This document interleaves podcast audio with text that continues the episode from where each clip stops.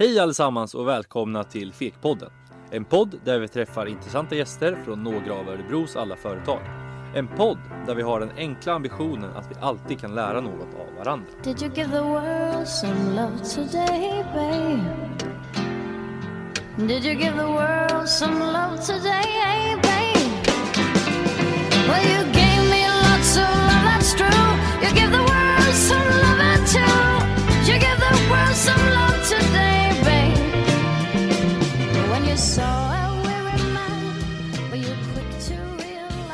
De senaste åren har exklusivitet och småskalighet inom området företagandet vunnit landmarker.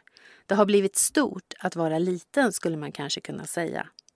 Närproducerat, lokaltillverkat, ekologiskt, små exklusiva upplagor och sortiment har blivit en ny typ av lyx som skapar stort värde för konsumenten.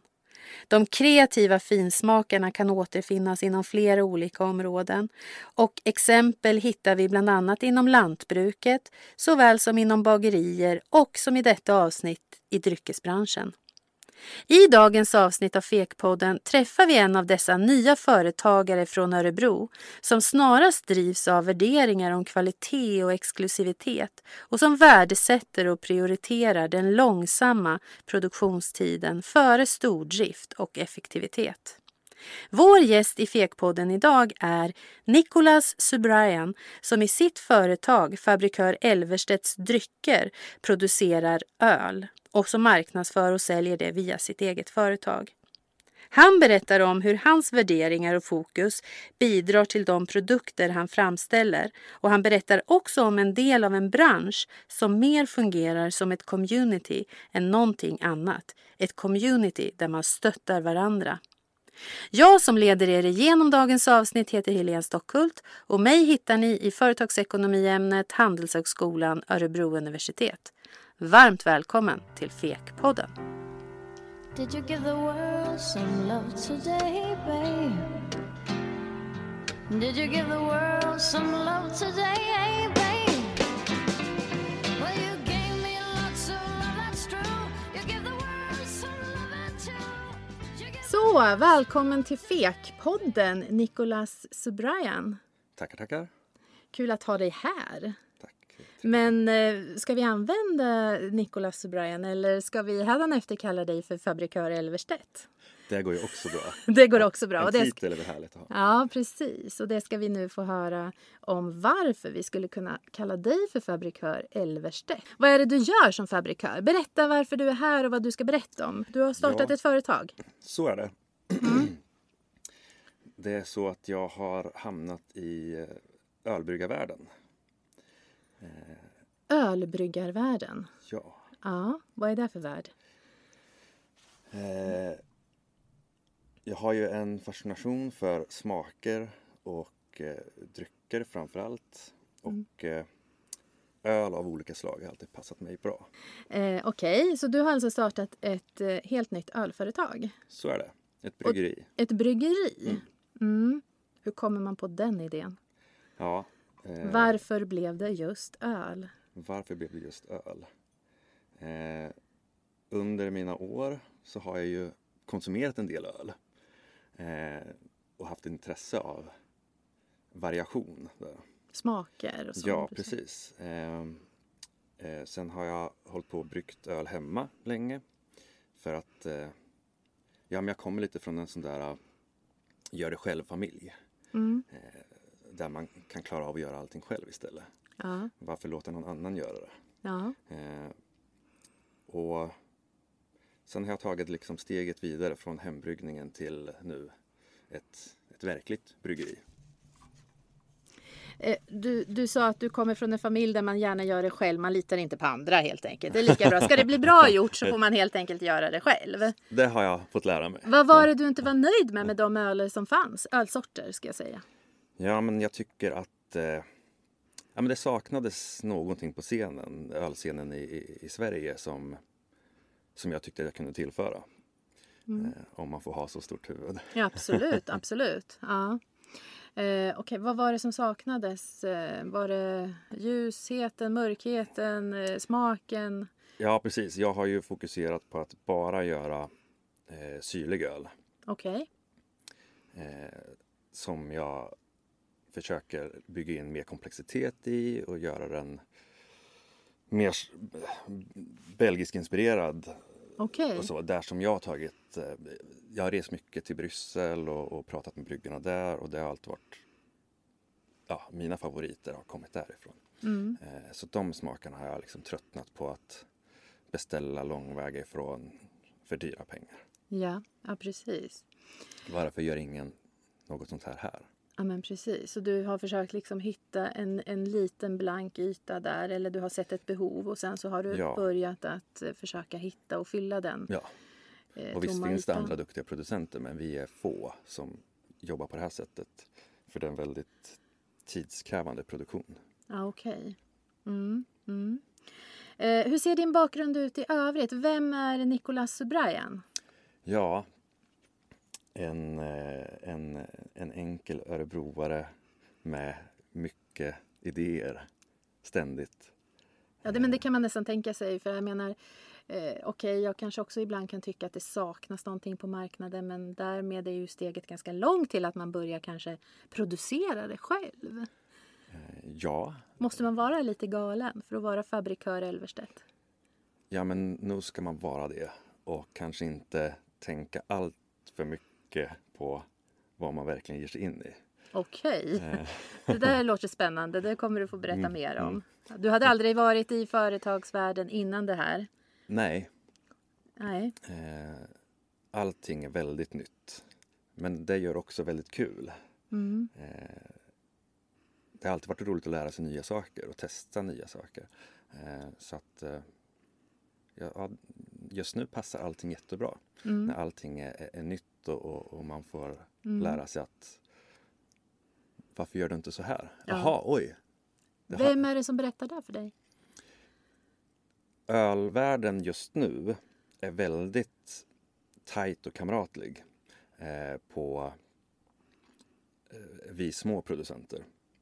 Eh, där det finns, eh, men det är en liten sån där eh, kampkänsla mot eh, storproducenterna. Eh, och vem som ska få plats och, och man kan prata om eh, vilket, liksom, vilket fult spel det finns från vårat håll sett. Mm. Eh, och, så att man hjälps åt väldigt mycket. Det blir som ett eget community Verkligen. mot de stora jättarna. Mm. Ja. Eh, när startade företaget? så? Du säger att det är nytt. Ja, precis. Nu har vi varit igång i ett år. Eh, Okej. Så sommaren 2018 startades företaget och produktionen på hösten. Mm. Berätta, hur har året sett ut?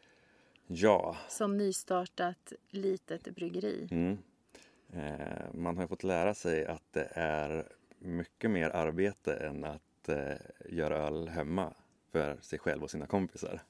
Ja. Eh, det är eh, administration och dokumentation eh, som eh, är liksom prion att hålla reda på nu. Innan var det bara att slänga ihop en schysst öl så att vi kan ha fest. Okej. Ja, hur, hur, eh, hur stor produktion har du och var producerar du det här? Var, var... Eh, vi är ute på Holmen eh, i Örebro. Mm. Eh, och eh, nu i början så har vi haft en lit, ytterst liten produktion på cirka 500 flaskor i månaden. 500-600 flaskor i månaden. Mm. Mm.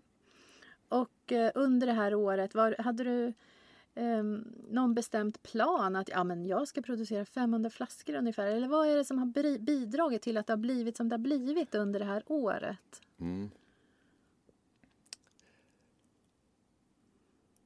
Vad har bidragit till det? Mycket är ju...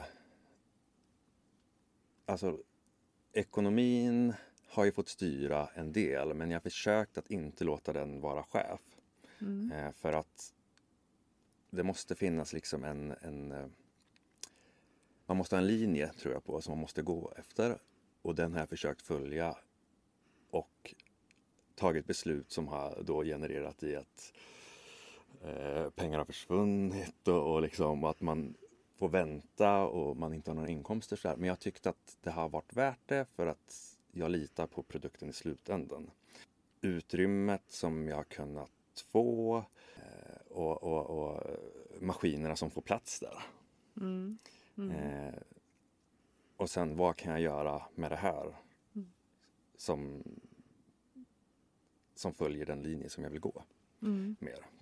Har du reviderat den här linjen under året? Jag kan tänka mig att man har en kanske, ja men det här ska jag göra men det funkar inte kanske exakt så som man tänker. Hur har det där sett ut under året? Ja, men det, jag tycker väl ändå att eh, vi följer planen på ett sätt, eller följer våra, våra värderingar som jag tycker är Mm. det viktiga i, i, i det här företaget. Eh, om, om hur produkten ska vara och eh, hur, vi, hur vi säljer den. Mm. Mm. Eh, jag skulle absolut vilja liksom kunna skala upp produktionen mycket, mycket mer, mycket fortare. Men eh, ja, ekonomin kanske inte riktigt tillåter, det ännu. Nej, precis. Och då får man helt enkelt anpassa produktionen och för hastigheten på företagsutveckling efter det. Så trots allt, även om det inte ska vara din chef, pengarna eller ekonomin, så påverkar det, har visst inflytande, ska jag tolka dig så? Ja, men precis. Alltså, det, det måste vara produkten som kommer i första hand. Och man måste utifrån kunna känna att, att vi som jobbar med det här, vi litar på vad vi gör. Mm. Och vi är ärliga med vad vi gör. Och Mm. där tror jag det tror jag skapar ett, ett långt förhållande till kunder. Mm. Mm. Eh, men jag- är ändå lite fascinerad av att man faktiskt kommer på att, att ja, men det här med ölbryggeri, det är spännande. Eh, Kristina Öberg som är professor i företagsekonomi på Handelshögskolan här i Örebro, hon har hon menar det att mikrobryggerierna, som man väl kanske på något sätt skulle kunna säga att ni är, eh, mikrobryggeriernas snabba utveckling eh, beror bland annat på en rådande hipstertrend, säger hon. Eh, där sko- storskalighet inte är så hippt längre utan där det här mindre och exklusiva har en given plats bland yngre människor. Eh, vad säger du om det? Eh, ja, men där, jag, jag håller med att eh, visst finns den, den kulturen är ju en stor del av, av varför variationen i, i öl och drycker överlag har ökat så markant. Eh, och så, som jag sa innan så det här göra det själv-tänket. Det finns ju på så många plan, liksom, från surdegar till stoppa korv och, och allt vad man vill göra. Ja, och även det. hembryggningen är Ja, väldigt stor, som jag kommer ifrån. Ja, just det. Eh, nu så kanske man skulle kalla mig för nanobryggeri som är en, en, en ny term för de som är ännu mindre än mikrobryggerier. Ja, jag förstår. Du är ett nanobryggeri. Ja, jag tror att de kallar mig så. Ja, hipster, hela hipsterkulturen och sådär. Ja, jag kanske får se mig skyldig till att vara en del av den eller varit en del av den som kommer från eh, musikvärld och konstvärld och sådär också. Så att, eh, Jaha, berätta, berätta mer om bakgrunden till Nicolas Brian. ja, Och att det blev öl. ja, precis. Eh, Det är en livsstil vi pratar om. Ja, men det är väl det liksom. Eh, musik och konst och kultur har alltid varit en stor del av mitt liv. Och eh, smak och mat hör till det. Och, och att kunna få variationen och kunna göra vad man vill. Det är lite rock'n'roll. Ja. Nicolas, du, jag tycker att du ger en väldigt bra bild över hur, hur hela du, ditt intresse, din livsstil, dina värderingar, det tog du med dig in i ditt företagande. Eh, har jag uppfattat det rätt då? Eh, ja, det tycker jag. Ja. Eh, vi försöker ju... Jag har alltid sagt det att vä- värderingarna är viktiga och vi måste hålla den linje vi tror på. Eh, och försöka göra det som vi tror är rätt. Eh, både för produkten och, och för, för eh, ja, sociala aspekter. Mm, mm. Du säger sociala aspekter. Vad tänker du på då? Har du något konkret exempel? Eh, vi jobbar med alkohol som ju är skadligt ska man ju eh, nämna. Eh, som man ska skriva på alla etiketter och sånt. Eh, Just det. men eh, det är också ett eh, socialt bindemedel. Ja. Eh, och det är ju lite skillnad på var, vilken marknad man är i. I Sverige, alkoholpolitiken är ganska strikt och tuff. Mycket regler att följa, Mm. På gott och ont. Eh, jag har ju sett det som att vi vill finnas mer på eh, restauranger och, och, pubbar där man möter varandra. Eh, visst, vi har en viss försäljning till Systembolaget också. För att så ser branschen ut. Och visst ska folk kunna få ta med sig vår produkt hem. Men jag vill att man ska möta varandra. Här på Fekpodden så har vi ett stående tema. Temat för Fekpodden är att eh, det går att göra gott, både som individ och som företag. Kan inte du bara börja med, vad har du gjort för gott idag? Hur, hur bidrar du som person och företagare till att göra bra saker? Vad har du gjort för bra? Ja, vad har jag gjort för bra?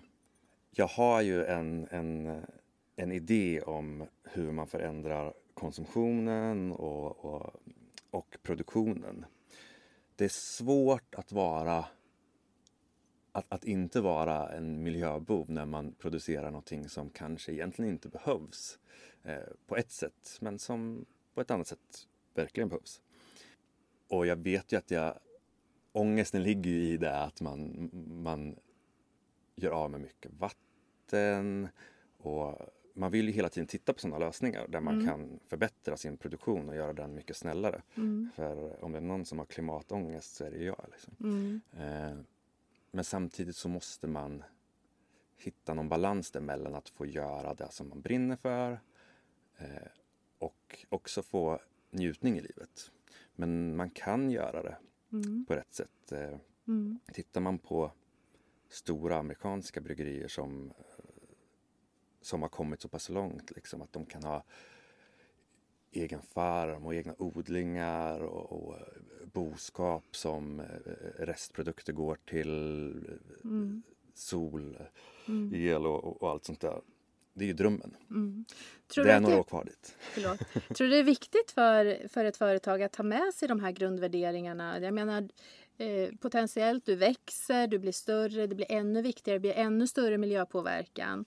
Jag tänker att det kanske ändå är väldigt bra att oavsett hur liten man är när man börjar så har man med sig det tänket in i företagandet. Ja, verkligen. Eh, och sen så företagande överlag eh, som jag nu i och för sig inte kan vara någon expert på då jag inte hållit på så länge. Men jag tror att det är viktigt att ha fasta och stadiga värderingar oavsett vad de är för att kunna skapa någonting långvarigt. Ehm, Sen behöver inte jag hålla med om de värderingarna men du gör nog rätt om du har den stadiga grunden att stå på för då kan du ta beslut. Vi försökte få till en tid för den här inspelningen under eh, ja, ganska lång tid ändå. Ehm, till slut så, så gick det och det är jag jätteglad för att du är här idag. Men vid ett tillfälle så, så skrev du där till mig att ja, men det är nog bäst att vi skjuter lite på det här. Jag har haft lite kaos i bryggeriet och med leverantörer senaste veckan. Så det här har liksom inte prioriterats. Det har jag full förståelse för. Men eh, däremot blir jag väldigt nyfiken. Vad är det för kaos som uppstår i produktionen? Eh, vad är det för kaos med leverantörer? Och hur hanterar du som en ung modern fabrikör kaos? Det är jag nyfiken på. Det vi, det vi hade eh, som hände just då var ju det att eh, det var lite förseningar på etikettleveranser. Eh, sen hade vi fått eh, fel upplaga eh, och lite sånt där. Eh, och har ändå ett datum som vi har satt och, och, och sagt att välkomna hit för nu ska ni få smaka den här nya produkten. Eh, och då sitter man lite däremellan. Ja, men vad ska jag göra? Vi vill ju att produkten ska vara precis som vi vill ha den. Och vi har satt ganska höga krav på hur det ska vara. det är svårt att ha mycket att sätta emot när man är en liten producent eh, som, som beställer liksom små upplagor av vad den kan vara. Eh, då har man inte så mycket att säga till om. Och eh, vi försöker liksom i vårt huvud så är ju liksom nivån Bollinger. men, Det är men- ganska hög nivå. Ja, men Eller precis. ganska höga kvalitetskrav. Ja, men också att siktar man mot dem då tror jag att man hamnar Mm. på ett bra ställe. Liksom. Eh, och samtidigt kände vi att ja, men vi kan inte, vi vill göra våra kunder lyckliga. Och sen i den åldern som, som man måste vara i för att gå ut och dricka, då kanske man har bokat barnvakt eller någonting sådär. Så att, eh, hur, kan vi göra dem, hur, hur skulle vi kunna göra dem besvikna? Det, det vill vi verkligen inte göra.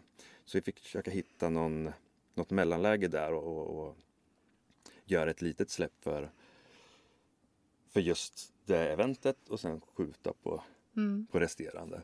Eh, och då blir det ju mycket att trycka, tjata på att den här lösningen ska komma fort Mm. och samtidigt ska det ordnas med eh, det som vi ville ha från början. Mm. Eh, Och samtidigt kommunicera det här till eh, krogar och, och, och då blir det liksom många, Mm. många Det blir lite det lätt många kaos. som, ja, och det är många som är involverade i det här. Liksom. Ja. Hur löste ni det? Alltså hur, hur, hur hanterar man kaoset då? Hur, hur gör man? Tar man... Ja, man springer runt som en galning och, och, och gör mer oreda än vad man gör nytta. Känns det som i efterhand när man ser tillbaka. Liksom. Är, du, är du själv i det här eller har du andra med dig i produktionen? Hur går det till rent praktiskt? Ja. Hur tog du det från vardagsrummet in till någonting som vi då skulle kunna kalla för en eh, kommersiell produktion, fabriksproduktion. Hur, hur gick det till? Det är faktiskt en av våra studentfrågor också från studenter som läser managementkursen på C-nivå här. Ja. Hur gick det här till? Ja, alltså jag, jag tror att många som brygger hemma har en dröm om att ja, men tänk att få se eh, min produkt på, på hyllan eller på, på, på baren. Eller att, det är lite det där äh, jag ska inte bry mig för mycket om vad andra tycker men samtidigt vill man ju ha det liksom. Och det kanske för min del kommer väl därifrån att stå på scen sådär. Man är livrädd att kliva upp på scen men sen så får man någonting tillbaka eh, om någon uppskattar det. Eller även ibland när man får lite kritik på vad man kan förändra. Liksom. Eh, och till slut kändes det väl bara att nu är det dags. Eh, så som ska jag någonsin göra det här så är det dags att sätta igång nu för att eh, det bara poppar upp bryggerier överallt hela tiden. Jag har väl inga siffror på, på hur många vi är nu men det är ett antal hundra i, i lilla Sverige. Och ja, om det kommer typ ett nytt i veckan eller något sånt där tror jag. Oj, Eh, det är en jättehet hipstertrend. Verkligen. Och Men det är Det finns utrymme för det fortfarande. Eh, så som jag läste av marknaden så, så finns det ja, men det, det är några år till. Jag skulle väl chansa på att ja, men om fem år då är vi någonstans där då kommer man börja få slåss om platserna och då måste man ha en hög kvalitet. Eh, har man etablerat sig då så ligger man lite bättre till för att kunna göra det här långvarigt. Eh, så att jag kände att ja, det, nu eller aldrig, annars är det lite för sent att komma in. Det låter ju ändå som... Dels får jag bilden av att ja, men, du kör på och sådär men, men du har ändå en plan. Du pratar om fem, på fem års sikt här. Och det är också en av våra frågor som vi har fått från våra studenter på managementkursen här på FXC. Hur, eh, hur ser den här planen ut? Har du en plan? Och hur ser den ut? Ja, plan och plan. Det finns väl någon form av plan som vi avviker från ständigt. Okej. Eh, Men det är väl mer en, en, en, en dröm eller en vision om att kunna skala upp produktionen i en takt som liksom inte skadar produkten. Eh, nu så är ju våran eh, produktion en lite den tar väldigt lång tid om man jämför mot eh, din vanliga pilsner eller ale. Mm. Eh, när vi jobbar med bakterier och sånt här. Mm. Så att, ja, finns det en plan? Ja, från början. Men den har vi liksom kört över Okej. för länge sedan. Det var första vi gjorde. Ja. ja. Hur, eh, alltså jag, också, jag hörde också någonting annat här när du berättade som jag tyckte lät spännande. Du pratade om ett visst event. Mm. Och så pratade du om tidigare att ni har endast liten del av försäljningen till Systembolaget. Men Mm. det är så det fungerar så ni har det också. Men är det framförallt så som ni säljer eran, eran produktion eller det ni producerar i form av ölen? Att ni anordnar event och så säljer ni ölen där? Är det så försäljningen går till eller? Nej, men vi försöker ju vara på de krogar som, och, och restauranger som vi tycker om att, eh, att besöka och som, eh, som vi tycker gör någonting bra för, för ölkulturen. Mm. Eh, Systembolaget det är komplicerat och det är ju väldigt bra det är en väldigt bra faktura att skicka ut. Eh, men nej, men då är vi tillbaka på det där att jag vill hellre att man går ut och dricker den.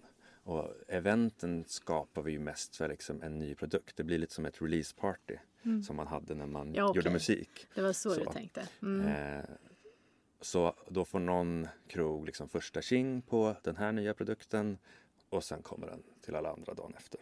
Mm. Okej. Där har ni en plan. Ja, En tydlig plan. ja men jag gillar det för då får alla komma liksom hit och så har man en liten fest tillsammans. Och det är alltid kul med fest. Ja, visst.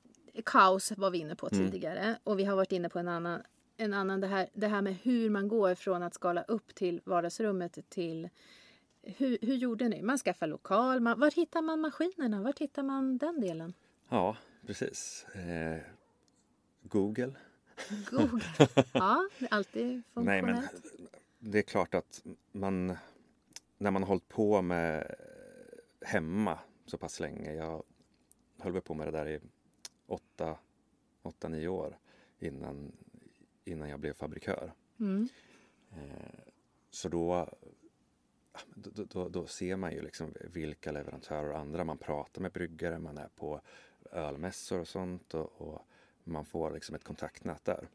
Eh, Så självklart får man mycket hjälp och sen så får man eh, hitta någon balans där mellan vad har jag råd med för utrustning och vad behöver jag? Mm. Eh, Och sen är det bara att beställa Mm. Mm. och sen så skickar man fakturorna till den som kan det.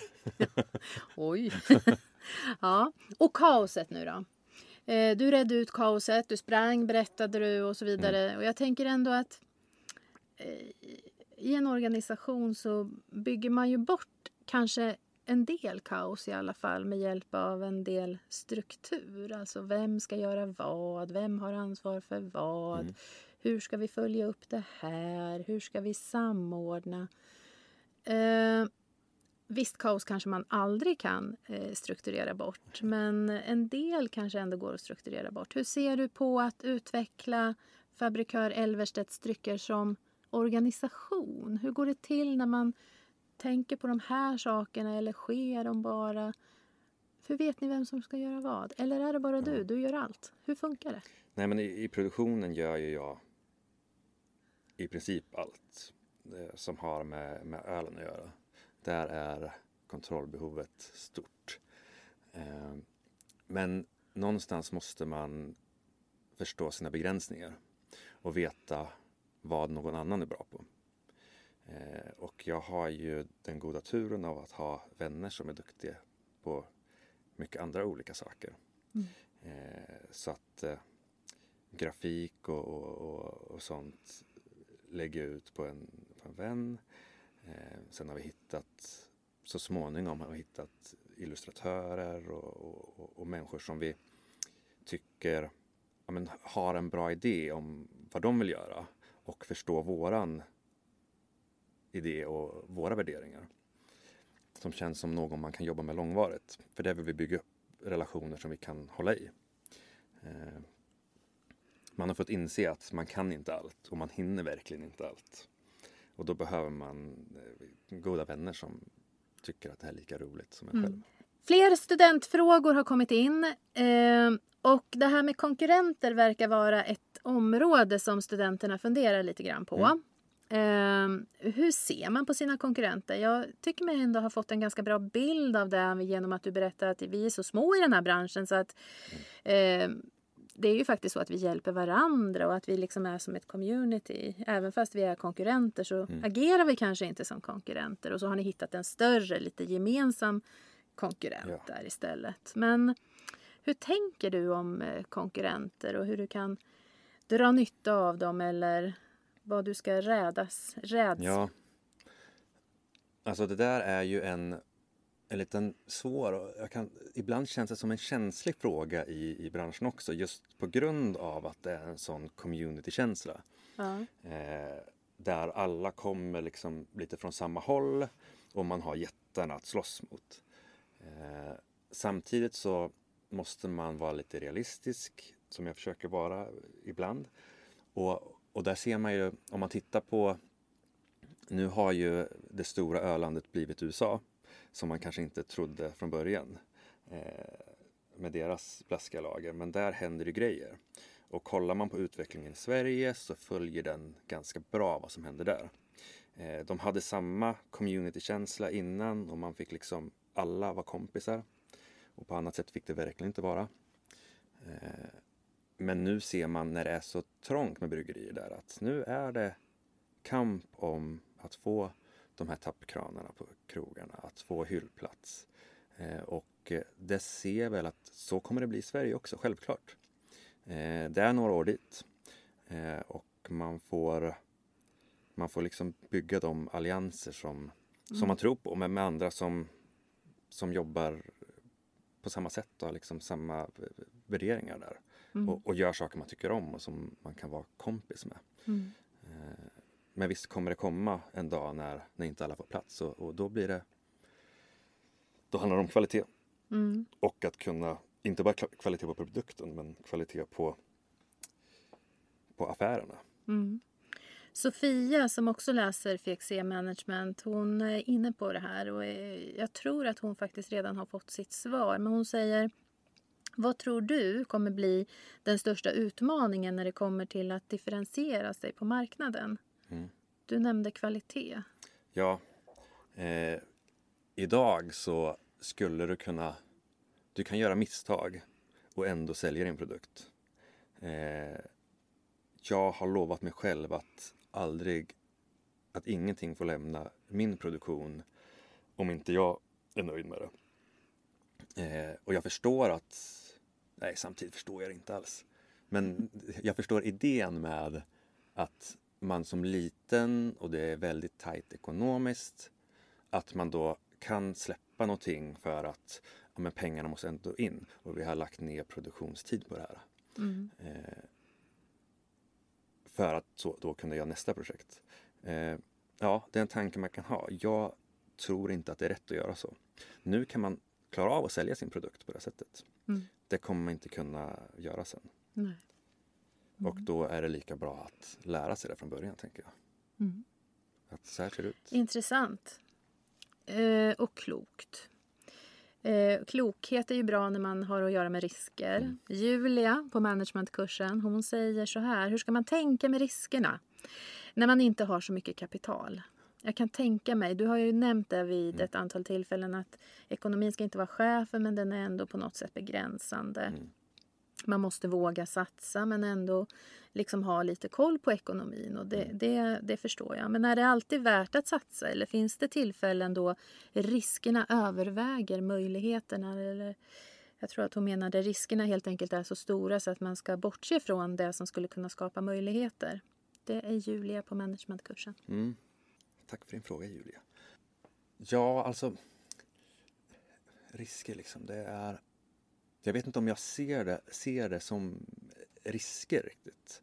Eh, man måste nu ser branschen ut så att konsumenten vill ha någonting nytt, någonting annorlunda ständigt. Eh, och då måste man vara villig att ex- experimentera. Eh, och det är också så man skapar någonting, en ny produkt och, och, och sticker ut. Ehm, Visst finns det begränsningar ekonomiskt och jag kanske skulle vilja mer än vad jag kan. Eh, men det handlar nog inte om rädsla för risker egentligen. Nej. Eh, man, måste, man måste bara köra. Mm. Eh, så är det liksom. Och, och lyckligtvis är vi i, i ett av världens bästa länder så att Mm. man behöver inte vara så rädd för att satsa. Vad blir nästa steg för ditt företag?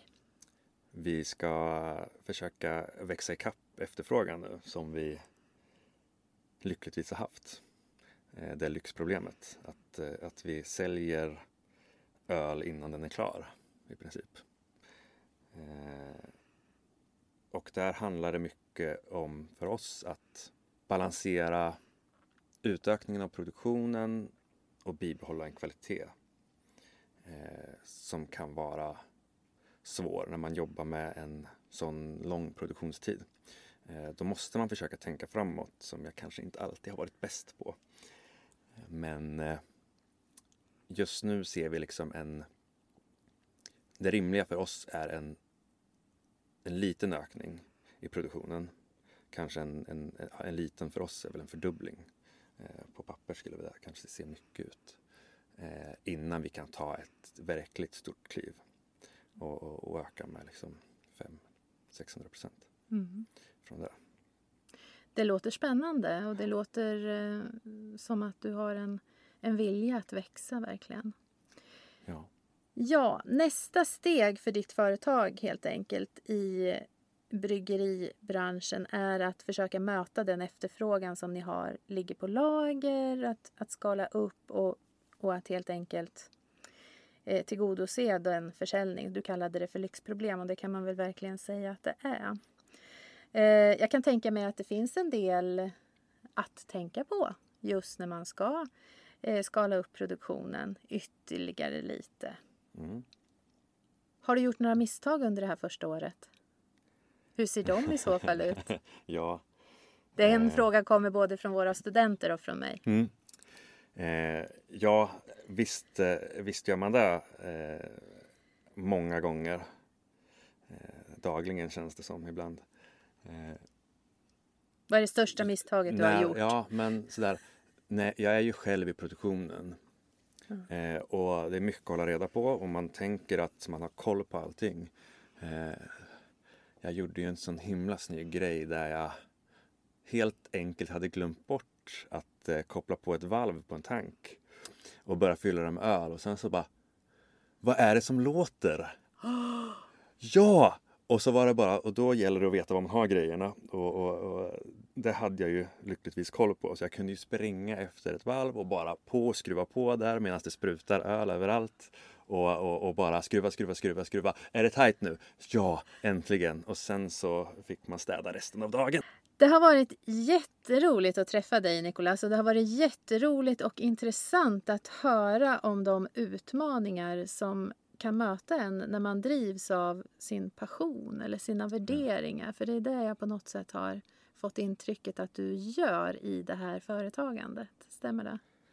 Så känns det och, och, och, och det är liksom det är det jag vill försöka efterleva och det är härligt att det går fram. Verkligen. Stort tack fabrikör Elverstedt och stort tack till Nicolas Subrayan som du ju faktiskt heter. Tack så mycket.